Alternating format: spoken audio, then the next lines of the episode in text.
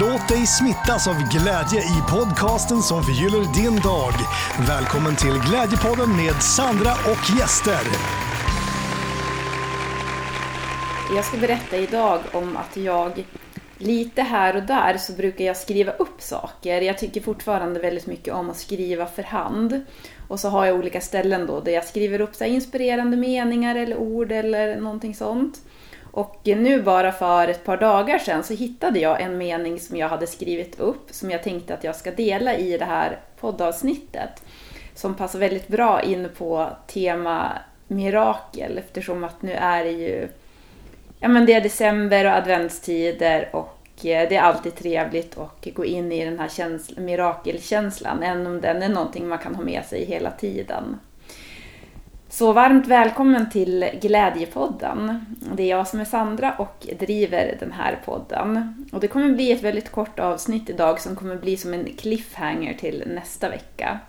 Men det du definitivt ska få med dig idag, det är att eh, du ska få en julklapp från Glimja så att du kan också köpa julklappar där. Du får nämligen 15% rabatt på ditt nästa köp på Glimja som är ett e-handelsföretag inom hälsokost och som erbjuder det absolut bästa inom då just hälsokost men också skönhetsvård, leksaker, de har grejer till djur och allting är då utan gifter och sånt där som man vill vara utan. Så jag tycker själv att det är världens bästa julklappstips med hållbara och fina julklappar som ger både glädje och hälsa. Så med koden då Glädjepodden stora bokstäver får du 15% rabatt på ditt nästa köp och du hittar det här i poddbeskrivningen. Och jag kommer också i poddbeskrivningen att länka en, eh, ja, ett annat julklappstips som är riktat främst egentligen till företag. Som är en ljudfil som jag håller på med just nu som samlar allt det bästa med glädje på jobbet. Så det är då från den här podden så har vi pratat väldigt mycket genom åren om det här med glädje på jobbet från olika inspirerande människor och eh, sen så väver jag ihop det här. Jag har ju mycket erfarenhet inom just det ämnet. Så att det blir verkligen en eh, så här, jätte good som eh, kan vara bra att skicka med sina medarbetare. Som en föreläsning man kan lyssna på om och om igen med massa olika inspirerande människor. Så det rekommenderar jag verkligen som ett jättebra julklappstips till företag. Sen om du vill komma i kontakt med mig av någon annan anledning så hittar du mina kontaktuppgifter i poddbeskrivningen. Så den här meningen då som jag ska dela med mig utav idag som jag hittade uppskriven. Ingen aning om var jag har hört eller sett den någonstans. Men den låter i alla fall så här. Bakom varje rädsla väntar ett mirakel. Jag tycker det är så fint för just som sagt så passar det in då man brukar ju prata om adventstider och mirakel och sådana där saker.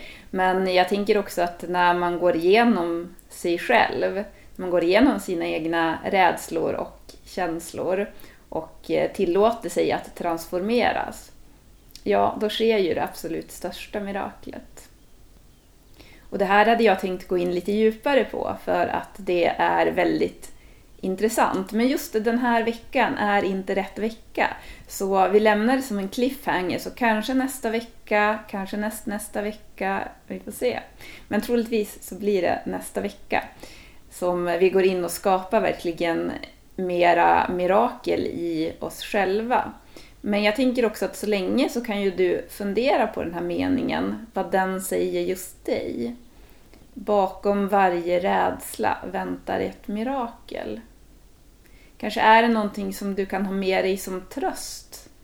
Eller som hopp, eller som, ja, i, i någonting som du själv är i just nu eller är på väg att gå igenom.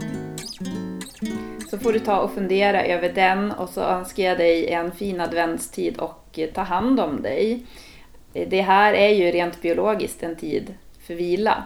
Det tror jag många kanske känner av just nu. Samtidigt så är det också så här, eh, jag kan tycka att det är väldigt tröttsamt, alltså det är mycket så här stressenergi just kring julen som kan vara, som man kan påverkas utav.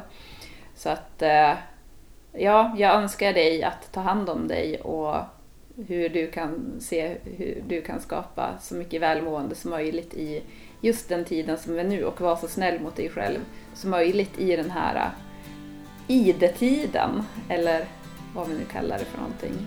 Ha det gott och så önskar jag dig julglädje och mirakel.